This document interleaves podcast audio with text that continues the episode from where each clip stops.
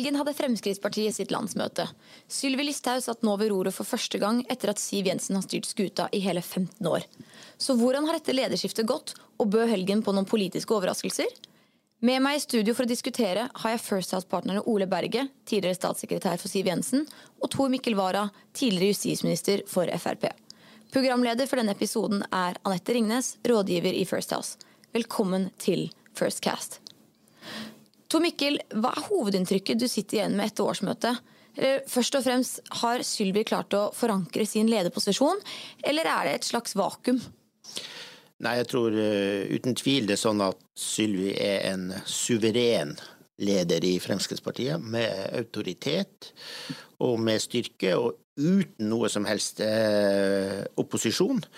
Og jeg syns jo også at dette landsmøtet si, Det var litt kjedelig i den forstand at det mangler en del av disse raritetene som av og til oppstår på Frp-landsmøter. Det var ingen ekstreme utspill eller personkarakteristikker eller noen som måtte be om unnskyldning. Så så måte så viser det seg å være kanskje mer eh, kontrollert enn jeg noen gang har, har sett det på, i hvert fall på mange år.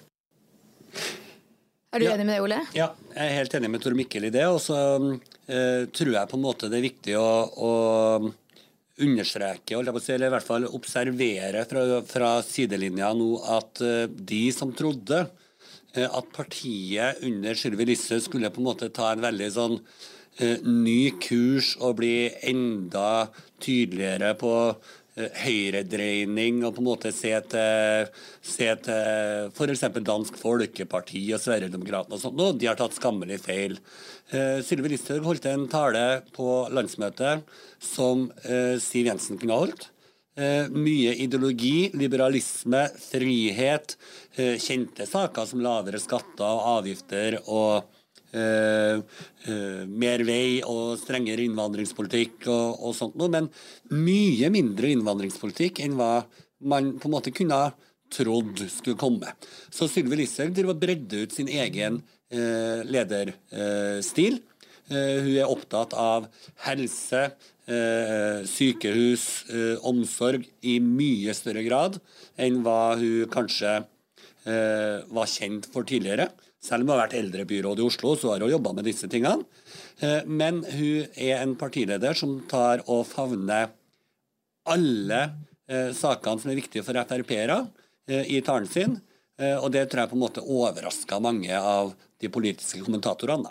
Ja, jeg tror, jeg tror også vi sier at det var eh, hun er likere Siv Jensen enn det kanskje mange trodde. For den gangen hun ble valgt, så, så var det nok mange som tenkte at nå ble det mye innvandringspolitikk og, og slike ting. Og, og, hun har jo systematisk uh, eh, jobba med å bredde ut sin egen profil på andre politikkområder.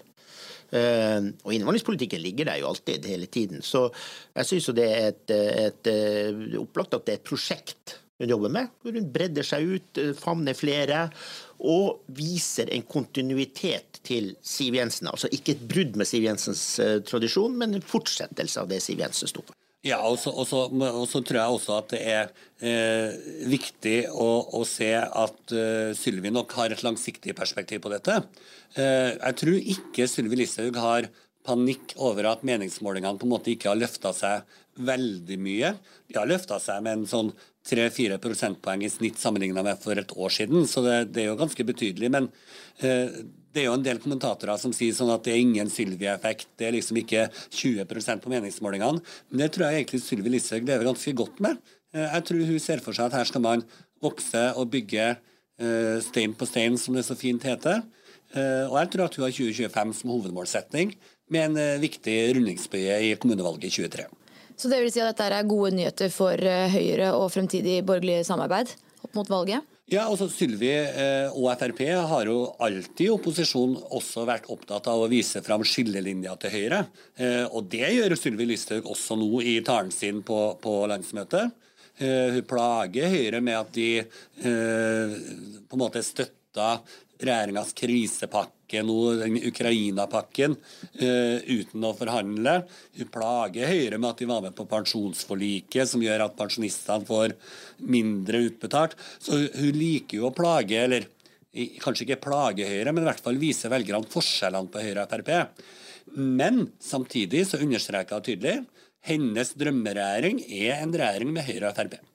Altså, i, i, Frp så eksisterer det en fortelling, og den tror jeg liksom er sann, om at uh, når Fremskrittspartiet satt i regjering med bare Høyre, det var de lykkelige årene. Og så kom Venstre og KrF inn, og det ble de ulykkelige årene. Uh, uh, og, og, Det er ikke noe tvil om at hennes hovedfokus er på det, men det er viktig å da lære to ting. Det ene er at hun ønsker faktisk, trolig, å samarbeide med, med, i hvert fall Høyre.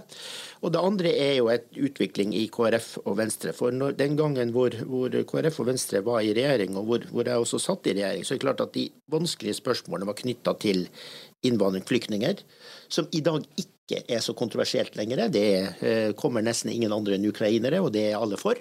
Eh, og klimapolitikken, som på mange måter også har fått en ny runde eh, med hensyn til at alle nå på en helt annen måte akseptere at olje- og gassnæringen er viktig for, for, eh, ikke bare Norge, men for Europa. Så det er mulig at de vanskelige temaene på borgerlig side ikke er så betent som de var. Men allikevel så ligger den fortellingen hos Frp. Det var de lykkelige årene med Høyre og de ulykkelige årene med mellompartiene. Men du var så vidt inne på at hun var plaget eh, Høyre litt på disse sakene. Tror du at eh, spørsmålet rundt EU-debatten, som nå har kommet litt opp i det offentlige, kan bli mer betent fremover? Det er jo naturlig å se for seg at eh, en ny EU-debatt eh, er mer eh, får mer vind i seilene nå etter hva man har sett i Ukraina. Samtidig så blir det på en måte på, på nivå tre, holdt jeg på å si. Det viktigste er jo å diskutere forholdet til Nato og USA som direkte alliert også ved siden av Nato. Eh, de debattene er jo på en måte allerede i hermetegn nesten lagt død, eh, gjennom at Nato-motstandere som SV f.eks. sier at ja, vi ønsker å melde oss ut av Nato, men kanskje ikke akkurat nå. Eh, og når, når den erkjennelsen har kommet fra SV, så er det liten grunn til å tro at det blir en stor Nato-debatt i Norge. Men EU-debatten er jo på en måte på nivået under. EU har jo ikke noe her. Men EU har økonomiske sanksjoner. Eh, har på en måte stått ganske overraskende fast og samla i sin respons mot, uh, mot uh, Putin og Russland. Til og med tyskerne har på en måte dratt føttene etter seg og, og, vært med på en del ganske kraftige sanksjoner. men jeg tror på en måte også Høyre og Arbeiderpartiet sier jo at vi ønsker ikke en ny EU-avstemning nå.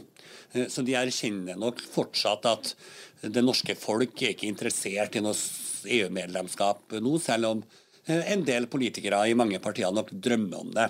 Eh, Sylvi Listhaug brukte landsmøtet til å slå fast at eh, Frp ikke kan sitte i en regjering som søker EU-medlemskap. Og Det er jo en tydelig beskjed til, til, Høyre. Uten at jeg tror at Høyre ble spesielt skremt av den beskjeden. Nei, altså Fremskrittspartiet har jo vært gjennom EU-debatter før. og og Utgangspunktet er alltid veldig tydelig at det er en folkeavstemning. Og det er fordi at Fremskrittspartiet også hadde en tradisjon for folkeavstemninger. Så, så blir jo spørsmålet til slutt om man skal anbefale folket noe. Men jeg tror nok også at den EU-debatten i Norge ligger mye lengre frem enn det mange later som om. Eh, det er klart at det er noen som finner, eh, finner situasjonen i Europa nå sånn at man vil ha en EU-debatt, men det er ikke noe vits å ta en EU-debatt hvis ikke folk er klar for å, for å faktisk gå inn i den. Og hva med hennes eh, linje mot eh, Senterpartiet og Trygve Slagsvold Vedum fremover? Hun kom jo med noen stikk til han med kaffekannen som er tom eh, under talen, men tror det blir en hardere linje fremover, eller? Ja, her er det jo the table has turned. Altså, Trygve brukte jo åtte år på å plage Frp på at avgifter og skatter ikke var satt ned nok. Eh, nå bruker jo selvfølgelig Frp og Sylvi Listhaug eh, de rekordhøye strømprisene og drivstoffpriser og økte matpriser mot eh, Trygve. Så, så det, det, blir nok ikke noe mindre av det fremover. Frp kommer til å kjøre knallhard opposisjonspolitikk på, på skatter og avgifter mot uh, regjeringa, og da særlig Trygve, som er finansminister og leder i Senterpartiet, som, som kanskje hadde uh, nå sett eh, og ønsker at han ikke hadde så tydelige lovnader i åtte år i opposisjon. Eh, akkurat på samme måte som Frp kanskje skulle ha ønska de ikke hadde så tydelige løfter eh, fram mot valget i 2013. Og akkurat som SV kanskje skulle ønske at de ikke hadde så tydelige løfter fram mot valget i 2005. Så dette er på en måte sånn eh, rollefordelinga er mellom posisjon og opposisjon. Eh, Frp er drita gode til å drive opposisjonspolitikk, det var Senterpartiet også, SV har vært det. Eh, så får vi se hvordan Trygve klarer å, å styre gjennom denne stormen. Men eh, Sylvi Listhaug og Frp kommer ikke til å gi ham noe, noe, noe, fritid. Så de kommer til å være knallharde i opposisjon. Ja, da, her tror jeg det, det er nok i veldig stor grad vil jeg også si sånn at Senterpartiet har levert noen baller på straffemerket, men med å være love ting veldig konkret og tydelig før valget som de ikke er i nærheten av å levere. Og det er klart at eh, Ingen kan forvente å slippe unna med det, eh, og Frp velger å, å, å benytte seg av de mulighetene som er der, selvfølgelig. Men nå som vi er inne på litt eh, økonomisk politikk, var det noen eh, overraskelser eller noen nye linjer eh, eller forslag fra Frp som var interessante for folk flest der, eller? Nei, altså Det er jo fortsatt kraftige avgifts- og skattekutt som er den økonomiske bærebjelken. Forsterka det. Noen sånne kuriositeter, holdt jeg på å si, men også veldig interessante, er jo at man ønsker en en slags uh, europeisk atomkraftpolitikk uh, på torum. At man uh, gir, gir fornya støtte til det i energipolitikken. Og så er det at man ønsker å endre basepolitikken, som egentlig har ligget fast i Norge siden andre verdenskrig. Og det er at man ikke skal ha permanente fremmede lands militærbaser på norsk jord. Der ønsker Frp nå å si at man ønsker Eh, allierte eh, Nato-baser på norsk jord dersom Nato og USA ønsker det. Jeg tenker at det, det er en forlengelse av den eh, si, politikken som vi så Sylvi la opp til i valgkampen i fjor, nemlig at hun posisjonerer partiet som er, partiet som er for olje- og gassvirksomheten og næringen, og de flere hundre tusen ansatte som lever i næringen og er tilknyttet den. Og det er klart at fordi de andre partiene er litt sånn mumlende når det kommer til olje og gass. De, de tør liksom ikke helt å stå for det og, så, og snakker om at vi skal fase ut og avvikle. Så det er klart at det er en tydelig posisjon. Og den gjentar hun både visuelt og språklig så ofte hun kan. Og det tror jeg er en, en, en uh, viktig del av det som er den økonomiske politikken. Altså, Vi står for olje og gass. Uh, og det er klart at det er en viktig økonomisk næring og det er en viktig sysselsetting. Og nå er det jo også viktig i et sikkerhetspolitisk bilde i Europa. Så dere har tro på eh, Sylvi Listhaug som en god partileder for Frp fremover? Ja, så Jeg tror at Sylvi Listhaug viderefører arven etter Siv Jensen på en måte som, eh, som partiet vil se seg fornøyd med. Hvor, hvor, eh, I hvor stor grad velgerne vil være fornøyd med dette, det vet man jo ikke før man ser valgresultater i 23 og 25.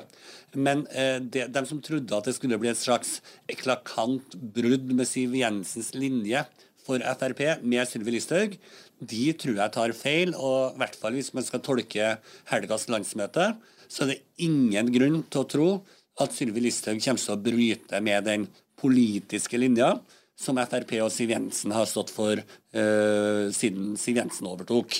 Uh, og Det tror jeg på en måte er det viktigste funnet eller observasjonen fra helgas landsmøte. Jeg var der, uh, var på landsmøtet og, og snakka med mye folk. Eh, og det var ganske sånn unison eh, samstemthet om at eh, de mente dette var et bra landsmøte, en hyggelig å møte folk igjen. Sylvis tale var god, alle stilte seg bak budskapet der. Så de som trodde at man skulle få en slags splittelse i Frp mellom la oss kalle liberalistene, da, og de som er litt mer konservative på verdispørsmål. Det var i hvert fall ikke noe mye splittelse å spore i helgas landsmøte. Det er ikke noe tvil om at hun står trygt og stødig og eh, har partiet bak seg. Eh, og det er klart at hun, hun, eh, skal jo få litt tid til å samle seg og lage en strategi. Så eh, hun har blikket retta mot 2025, og det er det som på mange måter blir blir vurderingen av om Sylvia lykkes. Så langt så har hun kontroll og gjør det hun vil, og så er det om å gjøre å levere et resultat i 2025.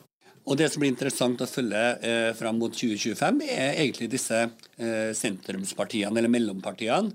Eh, KrF og Venstre, eh, og eh, delvis eh, Senterpartiet. For det er nok mange Frp som heller ville ha styrt med støtte fra Senterpartiet i Stortinget enn KrF og Venstre. så tror jeg sannsynligheten for det i 2025 er ganske liten, når Senterpartiet sitter i en regjering med Arbeiderpartiet. men mye kan skje i norsk politikk på tre år.